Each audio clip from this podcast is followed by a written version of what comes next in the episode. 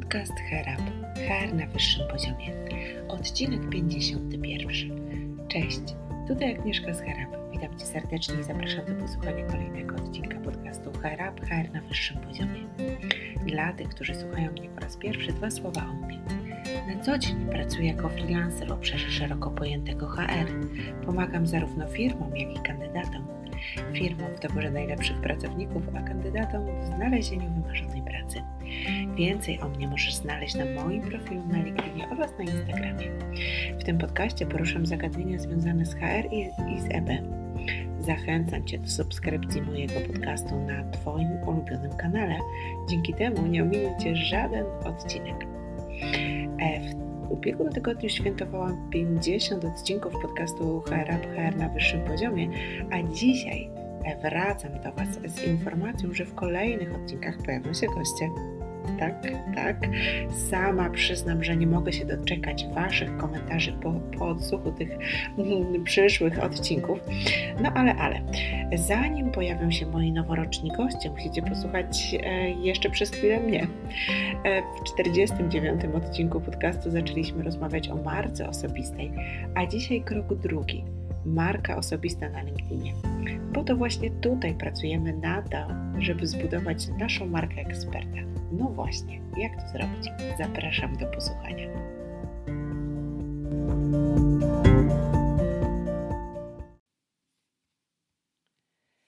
Przejdziemy sobie dzisiaj krok po kroku e, przez to, co jest na naszym profilu. A dzisiaj takie podstawy dotyczące e, właśnie e, LinkedIna. Zacznijmy od samego początku, czyli od zdjęcia. No bo zdjęcie musi być.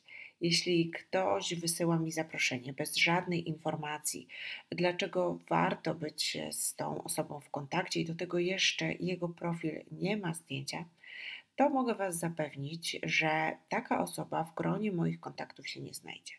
Lubię i myślę, że nie tylko ja, lubię widzieć, z kim rozmawiam, z kim wymieniam się treściami, informacjami, swoim doświadczeniem. Poza tym, jeśli e, na przykład otrzymuję CV i w tym CV nie ma zdjęcia, to zawsze zaglądam na LinkedIn, żeby po prostu wiedzieć, e, zobaczyć, z kim rozmawiam. Po prostu jest mi tak łatwiej. Wielu osobom e, też i w tym mi łatwiej jest zapamiętać kogoś poprzez to, że kojarzą go, go czy kojarzą ją i przypisują sobie jakieś nazwisko do twarzy. Ja, jeśli nawet rozmawiam z kimś przez telefon, to zawsze otwieram sobie jego profil, by widzieć jego twarz e, i po prostu rozmawiać, rozmawiam z tą osobą. No właśnie, no ale jakie zdjęcie? E, po pierwsze, na pewno nie zdjęcie z wakacji, nie zdjęcie w stroju e, kąpierowym. Najlepiej, jeżeli macie taką możliwość zrobienia sobie zdjęcia e, przez profesjonalnego fotografa, to byłoby najlepiej. Bardziej w takim stylu powiedziałabym biznesowym, ale niekoniecznie musi to być w garniturze czy kobiety w garsonce. Powiedziałabym, że taki raczej casual biznes. No ale tak naprawdę to zależy od branży. No bo na przykład e, w branży prawniczej, no raczej e, garnitur byłby jednak na miejscu, e, czy garsonka dla kobiet. Mm, natomiast jeżeli chodzi o taką branżę IT startupową, czy taką generalnie branżę kreatywną, to tutaj często widzę zdjęcia takie nawet mm, nie casual, tylko takie powiedzmy bardziej luźne i dla wielu pracodawców to jest ok. Ja e, generalnie jestem zwolenniczką zdjęć e, takich e, casual biznesowych, oczywiście o ile to możliwe.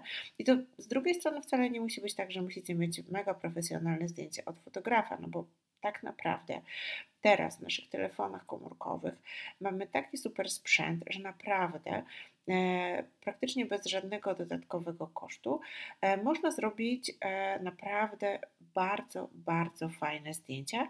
I takie zdjęcia generalnie wystarczają na to, żeby znalazły się na naszym profilu. To, co jest też ważne moim zdaniem, jeżeli chodzi o LinkedIn, to banner. I tutaj radziłabym Wam, aby nie zostawiać e, pustego miejsca. Niektórzy tak robią, ale mi się wydaje, że to jest takie miejsce, gdzie my możemy się zareklamować, które możemy mm, bardzo fajnie wykorzystać. Jeżeli pracujesz w jakiejś e, firmie, z którą się identyfikujesz, to polecam, aby właśnie wstawić e, baner z nazwą, z hasłem właśnie tej firmy.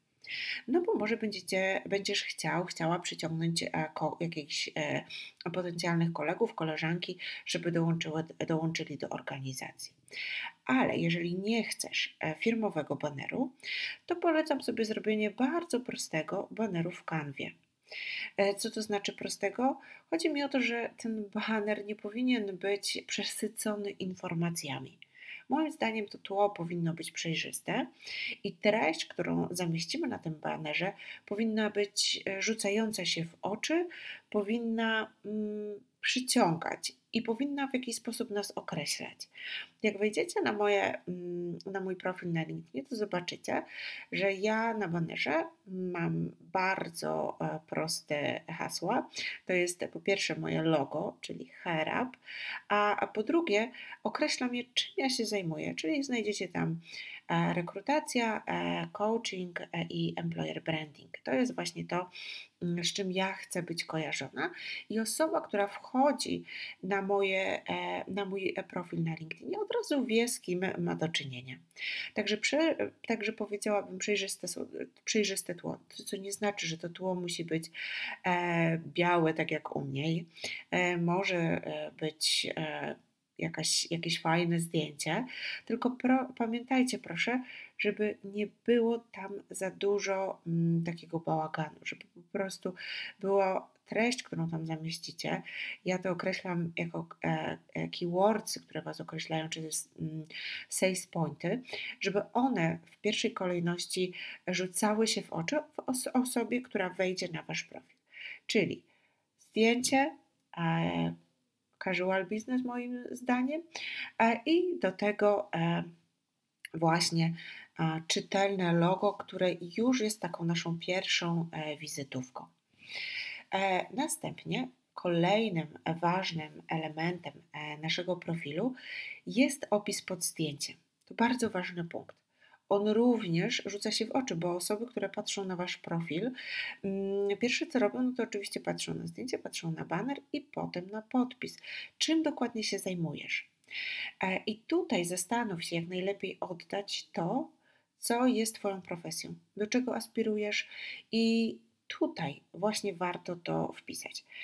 Ja, ze względu na to, że zajmuję się rekrutacją, employer brandingiem e, czy szkoleniami, e, mam również swój podcast, który właśnie słuchasz. E, wpisałam Independent Headhunter, HR Manager, EB, IB Enthusiast i Problem Solver no i oczywiście podcaster.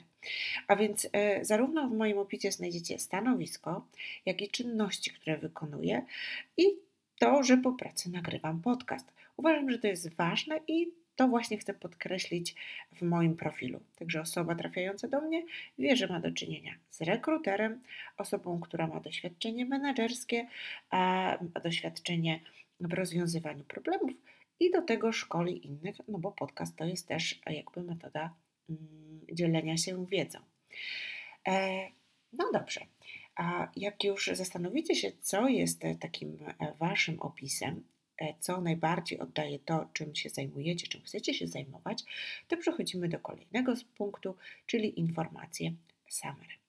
I tutaj macie pole, aby wykazać się kreatywnością, ale od razu Wam powiem, nie przesadzajcie.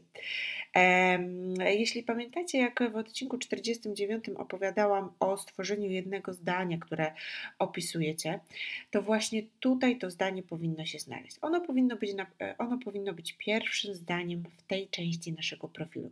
Reszta powinna być e, właśnie rozwinięciem tego zdania, opowieścią e, o tym, właśnie w kilku zdaniach, czym czym się zajmujesz, ale w taki sposób, jakbyś to ty sam chciał usłyszeć od E, kandydata, klienta, szefa, współ, czy jakiegoś partnera biznesowego. Powinno to być zrobione w sposób ciekawy z jednej strony, ale konkretnie i powinno być skupione na faktach. E, następnie macie taką część, e, która jakiś czas temu pojawiła się na LinkedInie. Ona nazywa się polecane.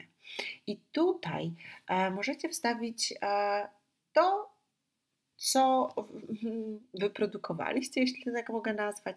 Możecie tutaj dodać Wasze publikacje, artykuły, linki, e, multimedia, to co według Was może zainteresować osobę odwiedzającą wasz profil.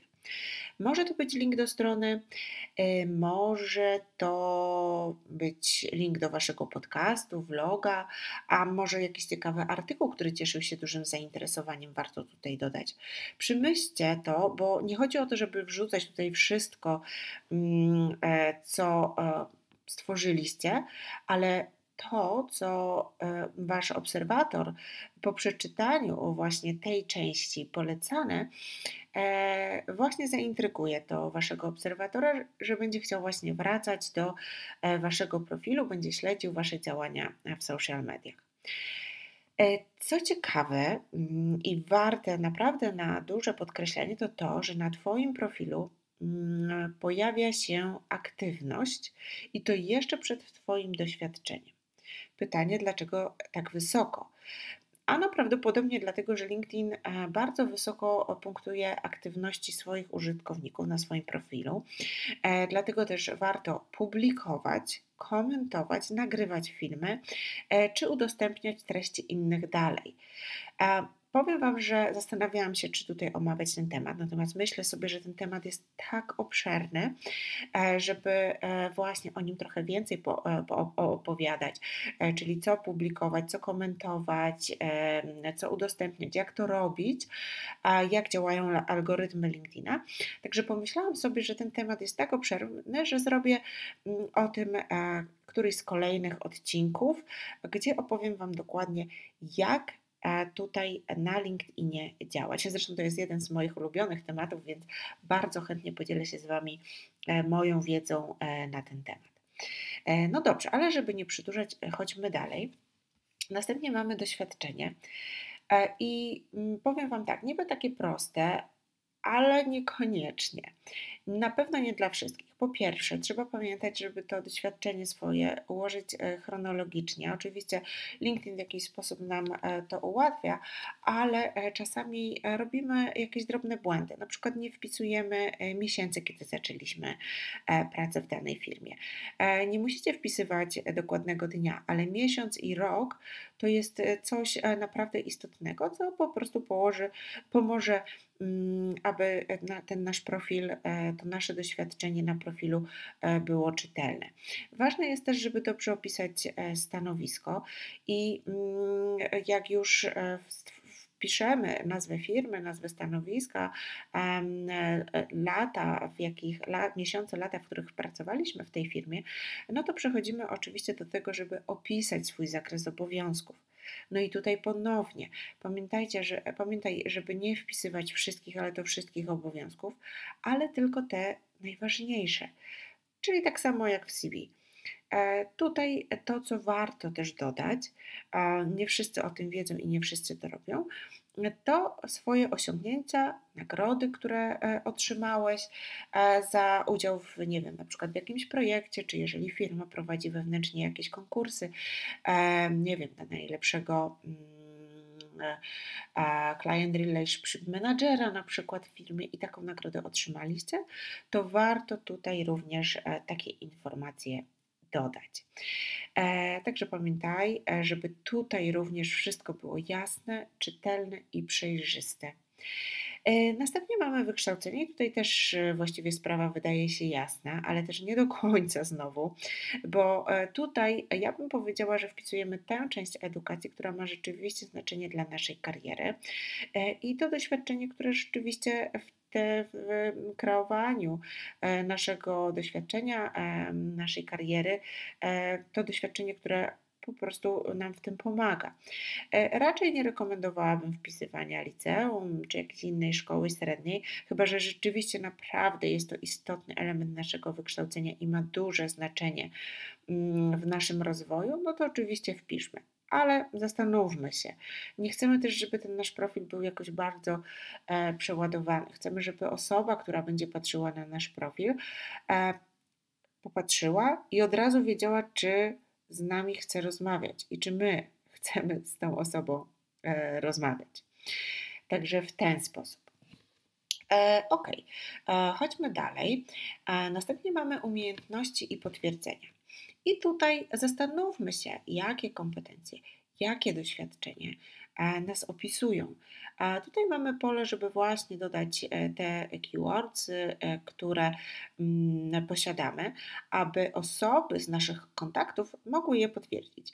Od jakiegoś czasu LinkedIn mm, dosyć ciekawie e, to zaaranżował, bo dawniej po prostu było tak, że plusikiem ktoś mógł potwierdzić tą naszą kompetencję, natomiast teraz, jak przyciskamy plusik, otwiera się tutaj bardziej już rozbudowana część, gdzie mamy e, możliwość potwierdzenia, w jakim stopniu my jesteśmy w stanie ocenić tą daną kompetencję, jak my ją oceniamy, czy na dobrą, bardzo dobrą, czy po prostu rewelacyjną, e, i w jakiej relacji my mieliśmy okazję sprawdzić tą e, kompetencję. Czyli można powiedzieć, że to już jest bardziej wiarygodne, że to nie jest tak, że ktoś sobie klika, bo akurat wszedł na nasz profil i stwierdził, że kliknie, tylko rzeczywiście jest tutaj możliwość, żeby te e, umiejętności potwierdzenia były bardziej e, wiarygodne.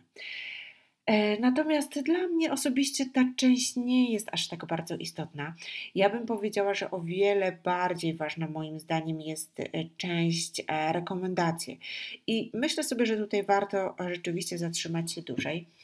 Po pierwsze, kogo pytać o rekomendacje, bo zawsze nam się tak kojarzy, czy osobom, e, z którymi rozmawiam, że o rekomendacje pytamy bezpośrednich przełożonych, czy mm, przełożonych przełożonych. Natomiast to wcale tak nie jest. O rekomendacje właściwie możemy zapytać wszystkie osoby, z którymi współpracowaliśmy, a więc oczywiście przełożonych. Możemy zapytać współpracowników, jesteśmy, jeśli jesteśmy menadżerem, to możemy mm, poprosić o rekomendacje nasz zespół, z którym pracowaliśmy. O rekomendacje możemy też poprosić e, osoby z innych działów, z którymi współpracowaliśmy. Możemy poprosić e, również e, klientów czy innych partnerów e, firmy, w której pracowaliśmy, bądź pracujemy. To wcale nie jest tak, że tylko i wyłącznie wtedy, kiedy kończymy współpracę z jakąś firmą, prosimy o rekomendacje. Możemy to robić na każdym etapie współpracy z firmą. I mm, Czasami y, dostaję takie pytanie, no dobrze, ale co jak ja jeszcze nie mam doświadczenia, dopiero skończyłem studia, to kto ma mi te rekomendacje dać? No ale na studiach współpracowałeś, współpracowałaś z kolegami, koleżankami przy jakichś projektach, e, czy jakoś, e, czy na przykład e, działasz w ramach wolontariatu. Również warto poprosić osoby, z którymi się współpracuje mm, przy projekcie, przy wolontariacie, o to, aby, mm, aby napisały kilka słów o tym, jak się z Tobą e, pracowało, no bo to pokazuje tak naprawdę, a czy jesteś osobą, z którą, e, z którą dobrze się na przykład współpracuje w zespole, jakie są Twoje e, umiejętności, jakie umiejętności przy tej współpracy wykorzystałeś. Więc moim zdaniem warto również już na etapie takim, kiedy jesteście na pierwszym etapie kariery, prosić o rekomendacje i nie bać się, słuchaj, e, prosić. No bo co się może stać? Pamiętaj, że nie każdy, z kim współpracujesz, współpracowałeś, będzie pamiętał, żeby ci napisać referencję. Wręcz powiedziałabym, że jest odwrotnie. Ludzie o tym nie myślą. Natomiast jak, jak o to poprosisz, to bardzo dużo osób, z mojego doświadczenia mogę powiedzieć, jest takich, że mm, te rekomendacje chętnie dają. I to nie tylko z mojego doświadczenia, bo jak pracuję z moimi klientami, to właśnie mówię im, e, żeby e, poprosili, e, żeby napisali do osób, z którymi współpracowali o rekomendacje. I najpierw jest no okej, okay, no ale jak to tak prosić, to tak dziwnie, no nie będę czuł się komfortowo, a co jeśli mi ta osoba nie da rekomendacji? No to ja wtedy mówię, okej, okay, no co, jeśli nie da, to nic się nie stanie, świat się nie zawali, takie jest życie. Może ta osoba po prostu nie otworzyła tej wiadomości, bo nie jest aktywna na LinkedInie, a może po prostu nie czuje, że... Mm, lubi pisać e, takie, e, takie rzeczy, ale powiem Wam, że bardzo dużo z takich zapytań, które są wysyłane, doczekują się feedbacku. I moi klienci wracają do mnie z informacją, mówią, że słuchaj, Agnieszka, miałaś rację. Rzeczywiście na moim profilu pojawiają się e, rekomendacje, to jest super. i wiecie, i też te osoby, z którymi współpracujecie, fajnie, żeby te rekomendacje, które Wam dają, żeby one wskazywały na jakieś e, konkretne kompetencje, które Wy wykorzystywaliście, wykorzystujecie e, w swojej pracy. Więc myślę sobie, że naprawdę mm, warto o te rekomendacje e, prosić i samemu też pisać, bo to jest taka relacja wzajemna. Jeżeli ty napiszesz komuś rekomendację, to albo ta osoba, albo inna, która widzi, że ty piszesz rekomendację, sama chętnie podzieli się informacjami o tym, jak się właśnie z tobą pracuje. E, no i mamy jeszcze taką część jak osiągnięcia. E, I tutaj macie bardzo duży wybór. Możecie dodać dużo e, ciekawych rzeczy, które robiliście, ale też pamiętajcie, żeby wybrać te najważniejsze. Możecie dodać publikacje, napisać na przykład, jeżeli jakieś macie patenty, bądź e, jakie kursy e, ukończyliście. Możecie opisać e, projekty, na przykład jeżeli braliście udział w jakimś niestandardowym projekcie, to warto tutaj również to opisać. Mm, mogą to być wyróżnienia, nagrody, które otrzymaliście, czy na przykład można wypisać organizacje, z którymi współpracowaliście. No i oczywiście znajomość języków obcych. Tutaj również proszę się przyłożyć i e, rzetelnie opisać tą znajomość. I co? No i to już prawie wszystko. O to, o czym warto jeszcze pamiętać, to e, to, że można dodać grupy, które obserwujesz, do których dołączasz na LinkedInie. Warto takie grupy e, sobie obserwować, bo dzięki nim właśnie można dowiedzieć się dużo ciekawych rzeczy. Ja e, czas na LinkedInie traktuję jako e, inwestycję w rozwój, bo dzięki osobom, które obserwuję, firmom czy grupom, e, trafiam na ciekawe artykuły, posty, badania, na które pewnie sama bym nie trafiła, bo po prostu nawet nie wiedziałabym, że istnieją i bym ich nie wyszukiwała. A tak, to naprawdę jest dla mnie źródło ciekawych informacji. Dlatego ja zawsze tak bardzo zachęcam do tego, by być na LinkedInie. Nie tylko poprzez samo stworzenie profilu, ale również poprzez takie bycie na LinkedInie aktywnym. I to, co jest ważne w stworzeniu e, swojego profilu, to to, aby całość sprawiała takie spójne wrażenie, aby nasz opis był spójny e, zarówno z naszym doświadczeniem, i, przepraszam, z naszym doświadczeniem, jak również z tym, co my chcemy robić, w którym kierunku chcemy się rozwijać. No i oczywiście Należy pamiętać o zdjęciu i banerze, o tym, o czym e, mówiłam na samym początku, bo one też powinny być spójne z całością. No i to już prawie koniec. Jeśli chodzi o polecenie książki, to tak e, myślę sobie, że w ostatnim 50. odcinku podcastu poleciłam e, Ci aż pięć książek, więc dzisiaj w tym temacie nic nie dodam. E, powiem tylko, że właśnie czytam przyczepne historie braci Hiv i jeśli ta książka mi się spodoba, to opowiem Ci o niej w następnym razem. I Oczywiście zapraszam na mojego Instagrama, bo tam dużo więcej o książkach, które czytam, piszę. Także zapraszam serdecznie.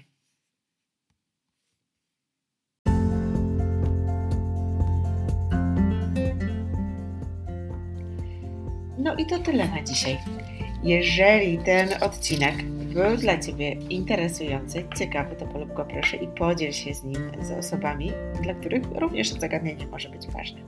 A jeśli temat marki osobistej jest Ci bliższy i chciałbyś e, więcej dowiedzieć, chciałbyś popracować nad swoim e, wizerunkiem eksperta w sieci, to zachęcam Cię do kontaktu. Bardzo chętnie pomogę Ci w stworzeniu i w pracy nad swoim wizerunkiem. Oczywiście, jak zwykle, zapraszam Cię jak co tydzień do kolejnego odcinka podcastu Hair Up HR na wyższym poziomie, już za tydzień w środę. To cześć, do zobaczenia.